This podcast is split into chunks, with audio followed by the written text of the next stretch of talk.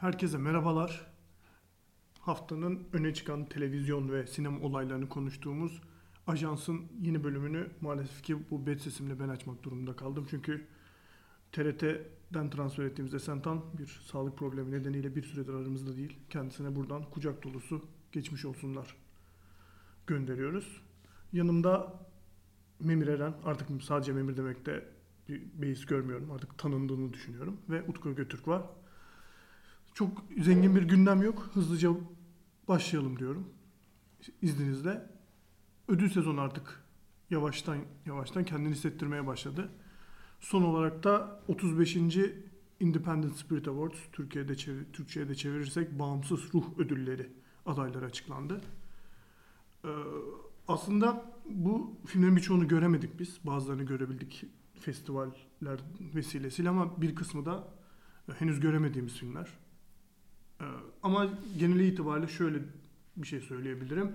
En çok adaylık alan filmler beşer adaylıkla e, Safdie kardeşlerin son filmi Uncut Gems ve Robert Eagers'ın çok sevdiğimiz filmi, en azından görebilenlerin çok sevdiği filmi The Lighthouse. Ee, neler düşünüyorsunuz? Bir de Mary Story var. Hani çok yine çok adaylık alan filmlerden bir tanesi ki kendisinin Oscar yarışında da söz sahibi olabilecek filmlerden biri olduğu düşünülüyor diyorum. Bu aslında bunların özelinde de biraz da bu filmlerin Türkiye'de e, sadece festivaller vesilesiyle ve bir kısmının sadece festivaller vesilesiyle görülebiliyor olması da aslında Türkiye'nin genel olarak dünya sinema gündeminden yavaş yavaş uzaklaştığının da bir göstergesi diyerek çok uzun bir açılış bloğunun ardından lafı size bırakmak istiyorum. Ben gireyim mi? Sen girmek ister misin? Ee, şimdi bir kere açılış cümlende söylediğin e, dikkat çeken filmlerden The Lighthouse kısmında ben dikkat çekmesinin sebebi aldığı adaylıklar değil, alamadığı adaylık olduğunu düşünüyorum. Çünkü e, beşer adaylıkla ön plana çıkıyor dendi ama The Lighthouse en iyi film kategorisinde aday gösterilmedi. Bu da e, filmin aslında Oscar yarışında biraz geride kalacağının göstergesi oldu diye söyleyebiliriz. Diğer taraftan Uncut Games ve Mary Story zaten Mary Story'nin Oscar'da e, ses getireceği yani en azından e, önemli kategorilerde adaylık alacağı aşikar. Lighthouse'un da burada görüntü yönetmenliği ve yönetmenlik kurgu gibi kategorilerde öne çıktığını görüyoruz. Film teknik dallarda ödül sezonunda görülecek gibi gözüküyor en azından başlangıç itibariyle. E, zaten birkaç ikinci ödül galiba bu ödül sezonu içerisinde konuşabileceğimiz. Bir de Gatımlar açıklanmıştı. E, tabii ki e, burada sadece biraz e, daha senin önemli filmlerinin olmadığı e, adaylıklardan bahsediyoruz ama buradan en azından bağımsızlardan e, Mary Story ve Uncut Games'in e, yarışa dahil olduğunu en azından yarışta dahil olduklarını tahmin ediyorduk ama en azından yarışın içinde oldukları resmileşmiş oldu. E, yani senin en son söylediğin şey bence çok önemli. E, şu açıdan Türkiye'de The Lighthouse'u göremememizin sebebi e, dağıtımcısının da yani stüdyonun aslında burada dağıtımcı demekten ziyade stüdyonun Türkiye'de vizyona sokmama kararı alması.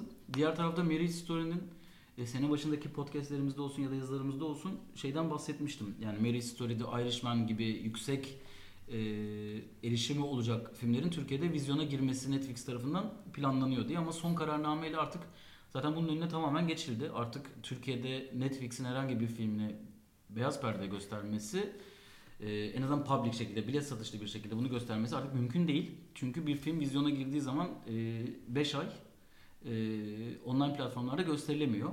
E, Netflix'te sadece çok kısa bir süre kala aslında bu uygulamayı yaptığı için bu filmleri zaten beyaz perdede görme imkanımız kalktı. Şeyi bilmiyorum bu arada. E, Uncut Games'in Türkiye'de bir ben baktım var mı? yani Yok. box office yani en, en konuda sık sık başvurduğumuz kaynak box office Türkiye'de görülmüyor film. Yani zaten A24'ün filmlerini genelde bir film ya da Fabula alıyor. Bir filmin değil film. Fabula'da biraz pazardaki payını en azından yavaşlatmış gibi gözüküyor Hı hı. bu sene itibariyle.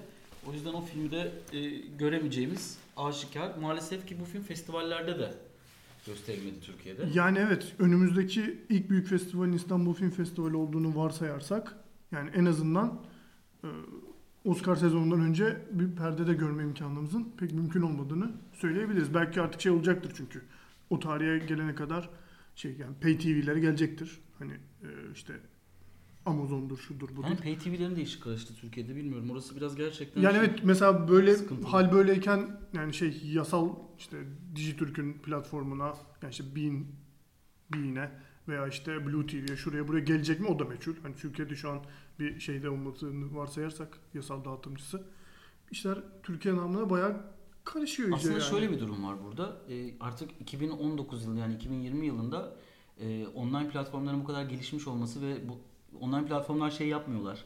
İşte atıyorum Orta Doğu'ya girmeyelim ya da buraya girmeyelim gibi bakmıyorlar. Buradaki pazarın da aslında ne kadar kıymetli olduğunu farkındalar ve artık dünya hani o klasik söylem var ya küçüldü artık her şey elimizin ucunda diye. Maalesef bu popcorn kriziyle başlayan süreç sonrasında e, Türkiye tekrardan 3. dünya ülkesine dönmüş durumda. Yani herkesin çağı bu kadar kolay şekilde yakaladığı bir ortamda biz bunları birçok açıdan yakalayamayacak durumdayız gibi gözüküyor. Yani tam ben lafı bitirirken o cümleyi kasta, kasti olarak aslında öyle kurdum. Yani bayağı Türkiye dünya sinema gündeminden uzaklaşıyor.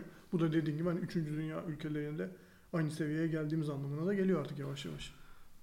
Bu arada adaylarla ilgili benim gözüme çarpan şöyle bir durum var. Bütün bu bu filmlerin Türkiye'de dağıtılmıyor olması, hatta yani izlediğimiz filmlerin bile dağıtılmayacak olması dışında e, yani hem en iyi yönetmen adaylarında hem en iyi film adaylarında en iyi ilk film adaylarında gerçekten çok az haberdar olduğumuz Evet. ve hani burada gösterilmemiş, gösterilmeyecektir muhtemelen filmlerin yer alması ben çok ilginç bir durum bence.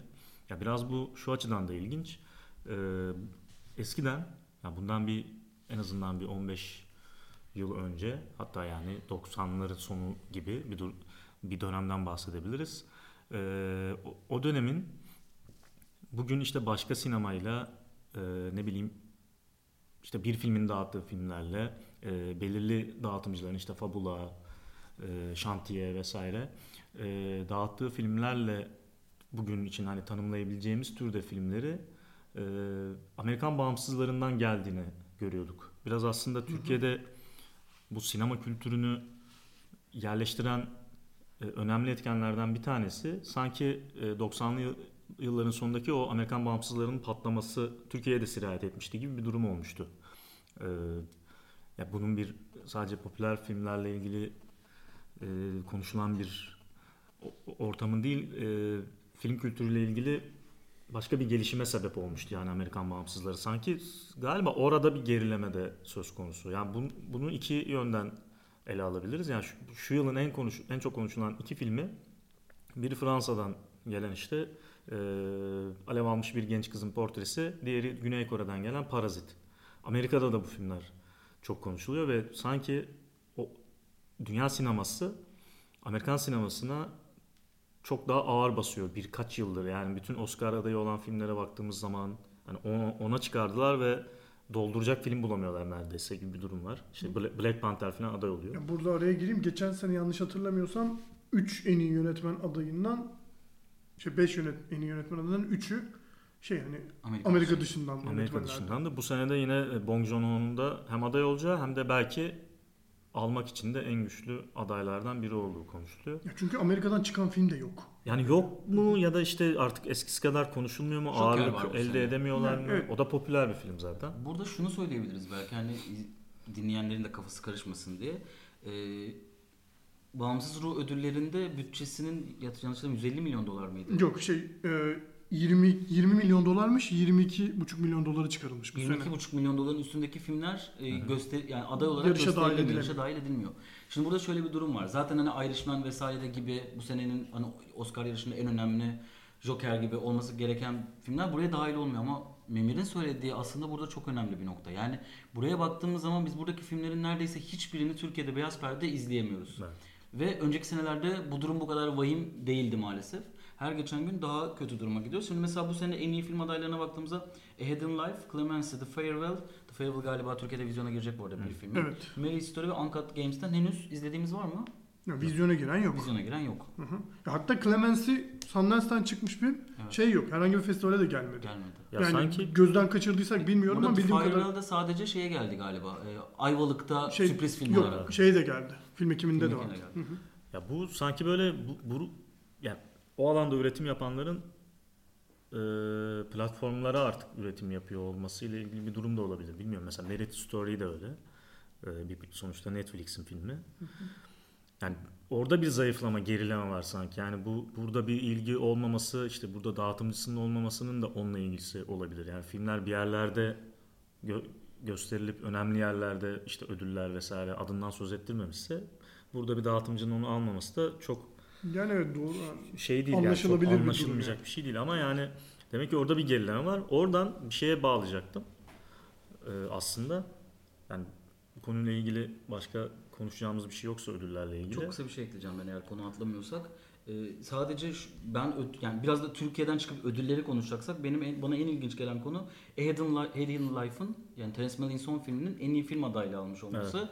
E, bence film kötü ama bunu tartışmayacağım. O başka bir şey. Adaylık gösteririz ama en iyi film ödülü ne aday gösterdiğiniz bir filmin başka hiçbir kategoride adaylık almaması Yönetmenlere değil mi? hiçbir şeyde yok. Diğer tarafta The Lighthouse'un 5 dalda adaylık alıp en iyi filmde adaylık Evet, göstermemesi çok ilginç. ilginç olduğu kadar saçma bence. Yani neyse ki Türkiye gündemi olmadığı için bu saçma demem sebebiyle yönetmenler ve yapımcılar bana trip atamayacak. Ama olsun. Neyse ki. Tam kavga çıkaracak bir seçim olmuş Evet. yani. Da- Yani Türkiye'de olsa çarşı pazar karıştıracak bir seçim gerçekten. Ee, Sana ben şey diyecektim. Yani bu. Ee, yani bu üretimle ilgili böyle bir kaygı söz konusuysa mesela o zaman Scorsese'nin işte başlattığı bu Marvel e, filmleri tartışması daha önemli bir yere oturuyor. Yani şöyle bir kaygıyla bu peşi peşine bu açıklamalar yapılıyor olabilir. Ya bizim e, sinemamızın e, core kısmı burasıydı. Yani işte bu Amerikan bağımsızları olarak sonradan tanımladığımız e, sinemacılar kuşağının e, yarattığı kuşaktı. E, bu burası ölüyor. Ya burada artık e, iyi bir üretim olmuyor. Olan üretim dünyada görünmüyor. E, kabul de görmüyor artık. İyi, iyi bir şey çıkaramıyoruz oradan gibi bir yerden. Hortlamış olabilir o durum sanki gibi bir şey aklıma geldi şimdi. Burada da yani. şimdi senin söylediğinden ben bağlayacak olursam Türkiye'de de mesela az önce sen şey yaparken konuşurken şundan bahsettin. Dedin ki hani bizim bir dönem hani belki de sinefillere falan Evet. yetiştiren bu filmlerdi ve bunları biz vizyonda da izleyebiliyorduk. En azından gidip izleyebiliyorduk. Hani burada şey tartışılır. Hollywood'un da Hollywood olduğu dönemlerde aslında hani iyi filmlerin Hollywood'dan da çıktığı döneme de denk geliyor olabilir ama burada şöyle de bir durum var. Türkiye'de inanılmaz bir e, kültürsüzlük var özellikle sinema alanında işte film izleme alışkanlıkları, insanların sinema salonlarındaki davranışları, davranış biçimleri. Bir yandan da bu tarz sinefil kitlenin sinema salonlarından kendini bu kadar geri çekmesinin sebeplerinden bir tanesi de zaten artık bu filmlerin birçoğunu beyaz perdede izleyememiz gibi bir durum varken şimdi tamamen bu filmlerin pazardan çıkması sonucunda bu sinema kültürsüzlüğü de başka bir daha uç noktalara varabilir diye düşünüyorum. Ya birbirini besleyen bir şey diyorsun. Doğru yani. Muhtemelen öyle Yani evet olacak. şey değil. Ya önünü nasıl alınacak bunu ona da emin değilim yani. Ya Çünkü bu işte platformlara yarayan bir şey. Herkes oraya kaçıyor işte. Yani üreten de, izleyen de bu sefer oraya kaçmaya başlıyor. Yani o, orada e, orada yani bir şeyleri izleyen evet yani. Scorsese'nin bile işte 150 milyon dolarlık filmini Netflix'in karşılayabiliyor olması zaten evet dediğin gibi bir şey işaret ediyor Ama bir aslında. yani. yandan da yani Netflix tüm dünyada bu kadar sinema salonlarına da yatırım yaparak filmlerini vizyona soka, sokarken, ödül sezonuna sokarken Türkiye'de çıkan bir kararname E tabii ve o- o... kararnamenin de nasıl çıktığı ortada değil yani hep sürekli şey oluyor yani biri bir şeyden şikayet ediyor şöyle yapılıyor biri bir şeyden şikayet ediliyor başka bir şey yapılıyor hiçbir şeyin altı doldurulmuyor hiçbir şey için geniş bir şekilde düşünülmüyor iki yapımcı bir laf söylediği için bir yasa çıkıyor Yani bir bir yapımcı tane bir şey için filmden- kararname çıkıyor Yani Vizontele'den çıktı bütün mesele aslında. Evet. Şey pardon Vizontele diyorum. Şey, Organize organize, işler. işler Organize 2'den çıktı bütün mesele aslında. Bir tane film, bir tane örnek. Başka da olmadı böyle bir şey. Hemen bir yasa çıkması bununla ilgili Ki gerçekten zaten yani hani böyle bir şey olmayacak falan diye de ya bu Evet. şimdi münferit bir örnek diye hani olayın arifesinde de konuşulmuştu. Orada şey bir durum da var anladığım kadarıyla. Yani e, geriye dönüp hatırlarsak şöyle bir şey söylenmişti o gün, o günlerde. Ya zaten bu tarihte çıkacaktı Netflix'te ve o tarihte çıktı. Vizyon çünkü, tarihi- çünkü vizyon tarihimiz ertelenmişti gibi bir şey söylenmişti. Ama sonuçta işin etik olmayan kısmı şuydu. Bunu haber ve yani bunu söyleyebilirdim. Evet. Bir Yani. de geçtiğimiz gün bir dağıtımcı arkadaşımızla sohbet ediyorduk. Ke- ithalatçı. Kendisi şey dedi yani bence bu bizim için iyi bir şey dedi filmler arasında. Ama bir yandan da bağımsız sinema yapan Türkiye'li yönetmenler için çok kötü bir şey. Çünkü filmleri zaten festivalde gösterildikten sonra kısa bir dönem hype alıyorlar ve o dönemde hemen e, bu platformlara satmak istiyorlar. Şimdi bu yapılan yöntem bence bağımsız sinemacıların da elini biraz kitleyecek bir şey. Çünkü ben örneğin tamamen örnek veriyorum. Dijitürk'ün yerinde olsam derim ki ya ben bu filmi vizyondan 6 ay sonra gösteriyorsam şu bütçenin üzerine çıkmam. Çünkü neden? Aslında Blue TV ya da Dijitürk bu filmi gösterirken önce göstermek istiyor. Vizyondan çıkar çıkmak göstermek istiyor ki o kitlesini elinde tutabilsin gibi Çok de man- ticari bir çok var. mantıklı bir Yani şey ama yani dediğim gibi 5 ay sonra olacaksa bu yani 5 verecekse 2 verecek. Hani yani çok afaki konuşuyorum da yani çok ticari olarak böyle işleyecek bir sistem gibi Ya yani. Bir de zaten elini zora düşürüyor sürekli. Yani gösterime çıkıyorsun filmi. Ee, hadi 2000 kişi izledi diyelim. O da senin elini zora düşüren bir şey aslında. Zaten gösterimde de 2000 kişi izlemiş de oluyor. Filmin ne kadar kıymetli olursa olsun, ne kadar ödül almış olursa olsun böyle bir şey yapışıyor üstüne. O zaman şeyi tercih edebilir sinemacı da yani. Ben çıkmıyorum. Göstermiyorum yani. Sadece festivallerde gösteriyorum. Ee, ve şey e, sadece işte Blue TV'de ne bileyim sadece Connect'te neredeyse işte sadece Netflix'te o zaman daha çok daha karlı bulabilir bunu Yani, yani. belki Türkiye'de de bu doğrudan platforma film çekme hı. işi yavaş yavaş ortaya çıkabilir zaten. Hani büyük yönetmenlerin dizi yaparak oralara kendilerini bir şekilde attıklarını da düşünürsek yavaş yavaş belki böyle bir gelenekte oturabilir ki baktığın zaman hiç de mantıksız görünmüyor. Yine festival dolaşımına girer. Hiç ticari şey yapmıyor. Yani Netflix'in uyguladığına benzer bir sistemle işleyebilir o Türkiye'de de diye düşünüyorum. Yani hiç mantıksız görünmüyor en azından şimdi bunları konuşurken. Diyerek biraz zorlama biraz da değil. Netflix'le ilgili başka bir habere bağlıyorum bunu. Ee, Netflix orijinal filmi Roma, Alfonso Cuarón'un çok sevdiğimiz filmi Roma, sinema tarihinde bir ilke imza attı. İlk defa bir Netflix filmi e, home video e, şeklinde, fiziksel medya şeklinde piyasaya çıkıyor. Bu da e, çok sevdiğimiz, her sinema severin kalbinde özel bir yeri olan Criterion Collection'ın Roma'yı koleksiyonuna katması sonucu oldu aslında. Bu çok ilginç buluyorum ben bu gelişmeyi aslında. Yani çünkü Netflix her zaman e, izleyiciyi daha doğrusu yani kendi bakış açısından bakarsak müşteriyi elinde tutmak üzerine kurulmuş. İşte jenerik atlaması olsun işte yani açılış jeneriğinin atlamasından sonra işte kapanış jeneriğini atlayıp bir sonraki filme, bir sonraki bölüme neyse geçmesi gibi yani sadece izleyiciyi kendi elinde tutmak, tüm zamanını domine etmek üzerine e, faaliyetlerini bu mantıkta, bu mentalitede yürüten bir şirketin böyle bir filmi bir home video şirketine haklarını satmış olması çok ilginç geliyor bana. Ve bir yandan da hani hoşuma da gidiyor aslında bakarsanız. Bana hiç ilginç gelmiyor açıkçası. Ben Netflix'in tüm dünyada sürekli olarak çok akıllıca hamleler yaptığını düşünüyorum. Ee, Netflix sonuçta e, bir yandan da kontrol ettim tarihleri yanlış söylememek için. Netflix bir DVD firması aslında. Ya evet şu anki durumdan tabii Netflix bir DVD firması olarak kuruluyor. 1997 yılında civarda. diye hatırlıyorum. Şimdi baktım buradan ama net tarihi göremedim. Ardından Netflix'in avantajı şu oluyor. Netflix insanların evine DVD kargo kurye yaparak e, ya da işte makinelerden vererek e, ve DVD yani kuryeyi karşı tarafa ödetiyor ama DVD fiyatları inanılmaz ucuzdu kiralama yöntemi ve her şeyi kredi kartıyla yapıyordu. Bizde o zamanlar kredi kartıyla bir internetten işlem yapmak en büyük korkutucu şeydi. Hepimiz kredi kartımız çalınacak mı diye düşünüyorduk ama Amerika'da bu çok yaygınlaşmıştı o zaman ve ardından e, 2001'deki e, 11 Eylül saldırıları sonrası zaten Netflix'in pazardaki payının bu kadar büyük olmasının en büyük sebebiydi. Amerika'da bir kaos ortamı oldu. İnsanlar evden Evet. çıkmıyordu terör korkusu sebebiyle ve Netflix evlere kurye ile DVD gönderiyordu ve zaten yaklaşık 2004 3-4 yıl sonra da firma ismini değiştirip Netflix International NC gibi bir şey yapıp halka açılmıştı. O yüzden Netflix'in ben bu yaptığını hem e, nereden geldiklerini biliyorlar e, hem nostaljiye oynamaya devam ediyorlar. Bir daha DVD'nin onların önüne geçmeyeceğini de farkındalar. Üstelik e, Roma gibi bir film ürettiler. E, başka bir kitleye oynadılar.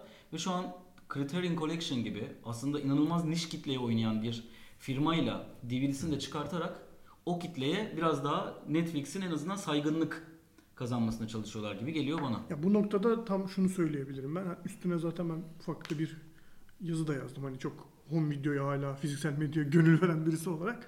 Ya şöyle filmin ha, bu haberi duyururken Netflix'in şey, sinema hesabı, Netflix film olan hesap ya Criterion Collection'ın bir parçası olmaktan onur duyuyoruz Evet. gibi bir şey- açıklama yaptılar. Bu zaten çok niyetlerini belli eden bir şey. Ya çünkü zaten o e, tüm bu Oscar alma sevdası işte hala çok büyük festivallere film sokma iddiası zaten bu Netflix'in biz sinemayı da e, yani sinemayı da çok önemsiyoruz. Yani sanat olarak da çok önemsiyoruz deme e, çabasının bir göstergesi. Romanın işte Blu-ray ve DVD olarak yayınlanacak olması da aslında aynı minvalde değerlendirilebilecek bir şey. Ee, ya Netflix'le ilgili şöyle bir şey söyleyeceğim ama yani çok kötü bir yerden söylemiyorum bunu. Çok akıllıca davrandıklarını düşündüğüm için söylüyorum. Ee, ve bunun pragmatist bir tutum olduğunu düşünüyorum. Yani yaptıkları işte şöyle bir bizim çok aşina olduğumuz bir laf var ya demokrasi bir e, tramvaydır. E, istediğimiz durakta inmesini biliriz. Kimin söylediğini hepimiz biliyoruz. E, Netflix print medyaya da işte e, fiziksel DVD'ler, işte Blu-ray'ler, işte sinema gösterimlerine de tamamen kendi prestijini e, var etmeyi ve bu, bu buraların hala prestijli olduğunu varsayarak ya bu oradan kendine bir prestij devşirmeye çalışarak aslında yaklaşıyor. Bir yandan her şeyi çok hesaplı kitaplı Evet, yapıyor evet. değil mi? Çok mantıklı yani. Tabii, Öyle tabii. ilerliyor ve istediği zaman onları bırakacak. Zaten onun bırakmasına gerek kalmayacak. Ee, onlar kendi kendilerine e, hayatımızdan sinip gidecekler. Bunu biliyor yani. Ama orada bir hala bir prestijli bir durum var ve bunu kullanmak akıllıca. Onlar da kullanıyor. Yani kriteryonun işte çektikleri bir filmin kriteryonun parçası olması. İşte çektikleri başka bir filmin Martin Scorsese'nin işte gidip onarttıkları bir sinemada işte gala yapması falan. Bunlar kendi markalarına e, daha doğrusu evinde işte o Netflix logosunu gören kişiye güven aşılıyor. Ve biraz hani bu yüzden yapıyorlar. İşte yani önemsedikleri için yapmıyorlar bunu bence. İşte hani bir DVD'de devam etsin, ne bileyim sinema gösterimine de devam etsin. Bunu düşündükleri için yapmıyorlar yani. Bence de. Ya zaten ticari bir kurum abi bunu beklemekten hani bir şey fazla romantiklik olur yani niye yapsın ki zaten öyle bir şey. Diyerekten bir başka online yayın platformu ile ilgili bir habere bağlıyorum. The Mandalorian. Memir sen seyretmedin ama Utku'yla biz ilk, ilk iki bölümünü yayınlamış iki bölümü seyrettik. Utku'nun da beğendiğini biliyorum. Ee, ben de hiç fena bulmadım ilk iki bölümün. Diyerekten şuna bağlayacağım. Yeni Star Wars filmini e, dizinin dizide parmağı olan John Favreau ve Dave Fila- Filoni, Filoni, Dave Filoni'nin Yeni Star Wars filmi nedir? yeni Star Wars filmi bu yeni üçleme. Yeni üçleme. Yani işte J.J. Abrams'ın başını çekti o bu yıl sonunda bitecek olan üçlemenin sonraki ayağını bu ikilinin yapabileceği söyleniyor ki aslında ilk haber şuydu. Ee, Game of Thrones'u Game of Thrones'un yaratıcısı olan ikili o projeyi devralmıştı ama onlar bir süre sonra bir süre önce ayrıldılar. Şimdi böyle bir durum var. Ben aslında bunu hiç e, da fena olmayan bir gelişme olarak yorumluyorum. Star Wars'u seven bir kişi olarak. Ya doğru iki bölüm izledik tabii ki şu an hani Benim bu konuda bir yorum yok çünkü Mandalorian dediğin gibi ya sadece iki bölüm izledik. Sadece şunu söyleyebilirim yani e, bugün Kutsal Motor'da Hasan ve Kaan'la bir program yaptık orada da aynı şeyi söyledim. Star Wars evreninden çıkan hiçbir şey beni mutsuz etmedi bugüne kadar. Sadece Han Solo'yu e, ayırıyorum oradan. Onun dışında yani artık 8 film orijinal üçleme olarak devam edenden 9. film girecek. Artı iki tane spin-off'tan sadece bir tanesini ayırabilirim. Yani %90 %95 beni mutlu ediyor. E, Keza animasyonları da aynı şekilde. E, ben açıkçası Game of Thrones'un yaratıcılarına bırakılmasını istemem. Bu sadece kendi hissiyatımla alakalı. Hani ciddi bir argümana dayanarak bir yere oturtmayacağım. E, onun dışında dediğim gibi yani Disney bu konuda çok seçici ve Disney bu işi iyi yapıyor diye düşünüyorum. Ben Abrams'ların bırakmasını, Abrams'ların ikisiyle olduğu için Abrams'ın bırakmasını istemezdim. E, öyle. Yani çok bir, ciddi bir yorumum yok bu konuyla ilgili. Ya ben de Utku'ya paralel düşünüyorum. Ya çıkan her şey iyi kötü iyiydi. Ya bir de şöyle bir e, durum oldu hakikaten Star Wars evreniyle ilgili. Hiçbir zaman ya bu kadar insanın takip ettiği, bu kadar büyük bir paranın döndüğü bir projeyle ilgili zaten çok baştan sağma bir şey e, yapılmayacakmış gibi bir his var ortada. Ya çok kıymet veri- veriliyor ortaya çıkan işlere. O, o nedenle yani bunun aynı özenle devam ettirilecek olması seviyorsanız işte o evreni sizin için önemli bir şey. Yani şey olmayacak sonuçta. Ee, böyle şark kurnazlığı yapıp birileri Hababam sınıfının hakkını alıp Hababam filmi yaptı ya Evet, evet. yeni yakın zaman. Onun gibi bir şey olmayacağı belli yani. Yine iyi bir Star Bir de Wars. iyi bir formülü var Star yapacaklar Wars'un. Yani. yani. zaten klasik bir e, sinema anlatısının üzerine inşa edilmiş şekilde. O yüzden hani kahramanın yolculuğunu izliyoruz ve iyi hikayeler oluyor. Ya şimdi tabii biraz erken konuşuyoruz. Şimdi bu üçlemenin son filmi her şeyi değiştirebilir. Mesela ikinci üçlemenin, e, serinin 1-2-3 epizodlarının ilk filmi benim tutmadığım bir film maalesef. Ama üçüncü film öyle bir noktada ki ya e, apayrı bir yere taşıyor bütün üçlemeyi ve bakışın değişebiliyor ya. O yüzden aslında buradaki üçüncü filmde de çıkacak bir hayal kırıklığı bu podcast'te söylediğimiz birçok şeydi. İşte ya Ama- benim- Fragmanları bayağı heyecanlandırdı. Fragman bayağı evet ve yalan hani söyleyeyim yani. Şöyle bir şey var. Fragman bir ters köşe olacak. Orası net. Ama bunu yani hiçbir fikir üretemiyorum şu an ilgili. Bir sürü teori okudum Reddit'te falan da. Ya hepsi Reddit'te yazan mesela bütün teoriler beni mutlu edecek. O yüzden Star Wars evreni bir enteresan ya. Bir Ya çok geniş bir malzeme var. Oradan Lucas ilk yaratırken orada gerçekten devasa bir menba bırakmış. Belki o bile farkında değildi şu an. Ama içinden çıkan şu an hani spin-off'ları saymıyorum. Önümüzdeki günlerde izleyeceğimiz filmi sayarak 9 film var. Hani spin-off'larla falan 12 oluyor yanlış saymıyorsam. Ki bir sürü animasyon dizi falan da var aralarda. Yani oradan bir şekilde o kaynak tükenmedi gibi geliyor ya hala. PlayStation oyunları bile çok iyi mesela. Evet, Yani evet, evet. hiçbir şekilde hiçbir şey hayal kırıklığı Yani çünkü ya yaratmayacak. popüler kültürün- çok iyi. PC oyunları Evet, bile PC çok iyi. oyunları Hepsi iyi Ya yani. evet popüler kültürü en çok besleyen damar belki şu an. Bence yani burada 3 sapanca bu kadar nazar değdirebiliriz bir şeye. Evet bence daha fazla uzatmıyorum bunu. De Evet. ezan mı okunuyor dışarıda? Bilmiyorum Evet. okunuyormuş evet. ezan okunuyor. Belki gidiyordur ses. Çok- Ezan ama. Şey kayda ses gidiyordur. Ben bizim sesimiz Ezanın sesi. diye düşünüyorum. Ee, çok kısa bir parantez açıyorum burada son konuya geçmeden önce. Haftanın Marvel'a sallayanlar köşesinde bu hafta e, Hong Konglu aksiyon yönetmeni çok sevdiğimiz John Woo ve yine çok sevdiğimiz Willem Dafoe var. Onlar da Marvel'a haddini bildirmek noktasında. Ben Willem Dafoe'nun herhangi bir hat bildirebileceğini düşünmüyorum önce. Ya niye canım? Bu işin oyun- yedikten sonra uzunca bir süre sonra kalkıp da hani böyle böyle demek bana birazcık şey gibi geliyor. Ya tabii şu Ha, an- sen, şu an sen söyleme William Şu anki Dafoe. rüzgardan ama onun O- Spider-Man'de oynadığı noktanın çok başka bir yerindeyiz. Evet. şu an ya. Spider-Man'de Rüzgarın- oynadı ki Aquaman'de oynadı ya. Tamam hadi orası DC'de evet. Aquaman rezaltinde oynayıp Marvel evrenindeki bir Evet, Aquaman'i bende. Ya bir an işte. zihnim yok gerçi. dile falan. Yok Willem dilesin canım ben de. ha, cidden Aquaman'de oynayıp Marvel'a sallamak bence biraz şey. bu. ya Marvel'a sallamıyor bu arada. Şey direkt comic book adaptation. o zaman daha da beter yani. Ama yani o rüzgarı arkana, arkasına aldı da tabii bir John gerçek. Woo ne diyordu tam? Ben onu takip edemedim. John Woo ne diyorsa haklıdır ya. Ya John Woo yani bu zaten aksiyon sinemasının kitabını yazdığı için doğrudur deyip bu konuyu uzatmıyorum çünkü güzel eğlenceli bir konumuz var. Buyurun. Nedir? Çok sevdiğimiz Mustafa Uslu'nun Son Naim filmi Naim filmi. Son filmi- mükemmel hata. Cep Herkülü Naim Süleymanoğlu filminde Şimdi aramızda bu önemli eseri izleyebilen bir tek ben varım. Güvenç. Güvenç Altıran var. O yüzden yorumu sana bırakıyoruz. Ancak Yani ama bu zaten filmle ilgili bir yorum Evet, değil. Bu tamam. başka bir şey yani. e, Naim Süleymanoğlu'nun e, ölüm ve yarıştığı tarihinin yanlış yazılması bu işin ne kadar baştan savma yapılıp Ya zaten şey de değil bu arada lafını böldüm kusura bakma. Yani yarıştığı herhangi bir tarih de değil. Yani onun efsane statüsüne ulaştığı Seul filminde Olimpiyatlarında anladığım kadarıyla pik noktası. evet Climax'ini orada kuruyor. Yani Kasım ayında olimpiyat olabileceğine inanan bir ekip. Yani bu inanılmaz bir gerçek. Bu Kasım bence ayı. yani birkaç seçenek var bununla ilgili. Bir kere işin özensizliğini sadece ticari amaçla ortaya çıktığını göstergesi olabilir. İkincisi eee, birkaç yorum okuyorum bununla. Kimseyi itham altında bırakmıyorum ama sosyal medyada bu haberi paylaşın çok gelen bir yorum. Ekibin parasını alamadığına dair bir sürü şey Hmm. söyleniyor. Ekibin o yılmışlıkla verdiği özensizlik olabilir. Üçüncüsü eee, ekibin başındaki isimlerin bu konuyla ilgilenmemesi olabilir. bence Yani- senaryoda nasıl yazıyorsa şeyde de öyle eklenmiştir. Bence. Yani bu eğer en senaryo- baştan, yani. en baştan böyle bir Bu eğer, sorun eğer senaryoda böyle bilmiyorum. yazıyorsa ve o senaryo kim bilir kaçıncı draftta, Hı hı. kaç kişi fark tarafından etmemişse okunuyor, kimse fark etmemişse o daha da büyük. Ya Bir de yani bunun bu işin yani tamam senaryosunu yazdı okey de hani spordan anlayan işte spor yazarı, spor tarihçisi neyse Bir danışmanı bir danışmanı yok yok, mu yani? yani bunu? Ya çünkü film basın gösterimi olur olmaz bir saat sonra ortaya çıktı bu. Yani bu senelerdir Ya Öyle ya da işte, böyle Hiç, hiç bilmesen, Evet. ya tam tarihi bilmesen, Wikipedia'yı açayım bakayım falan, Google'layayım falan deme, demesen, ya Kasım'da olimpiyat olur mu arkadaş diye bir düşünmen lazım yani. Olimpiyatla, ne yaz olimpiyatlarıdır olimpiyat zaten yani. evet, evet bir olimpiyat efsanesinin filmini yapıyorsun.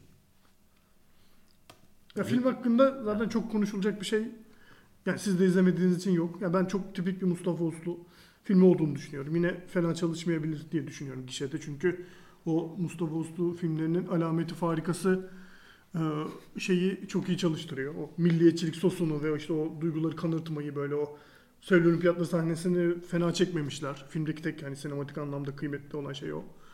Dolayısıyla ama yani mesela o kopyalar toplanacak mı? O hatalar düzeltilecek mi? O da bir muamma.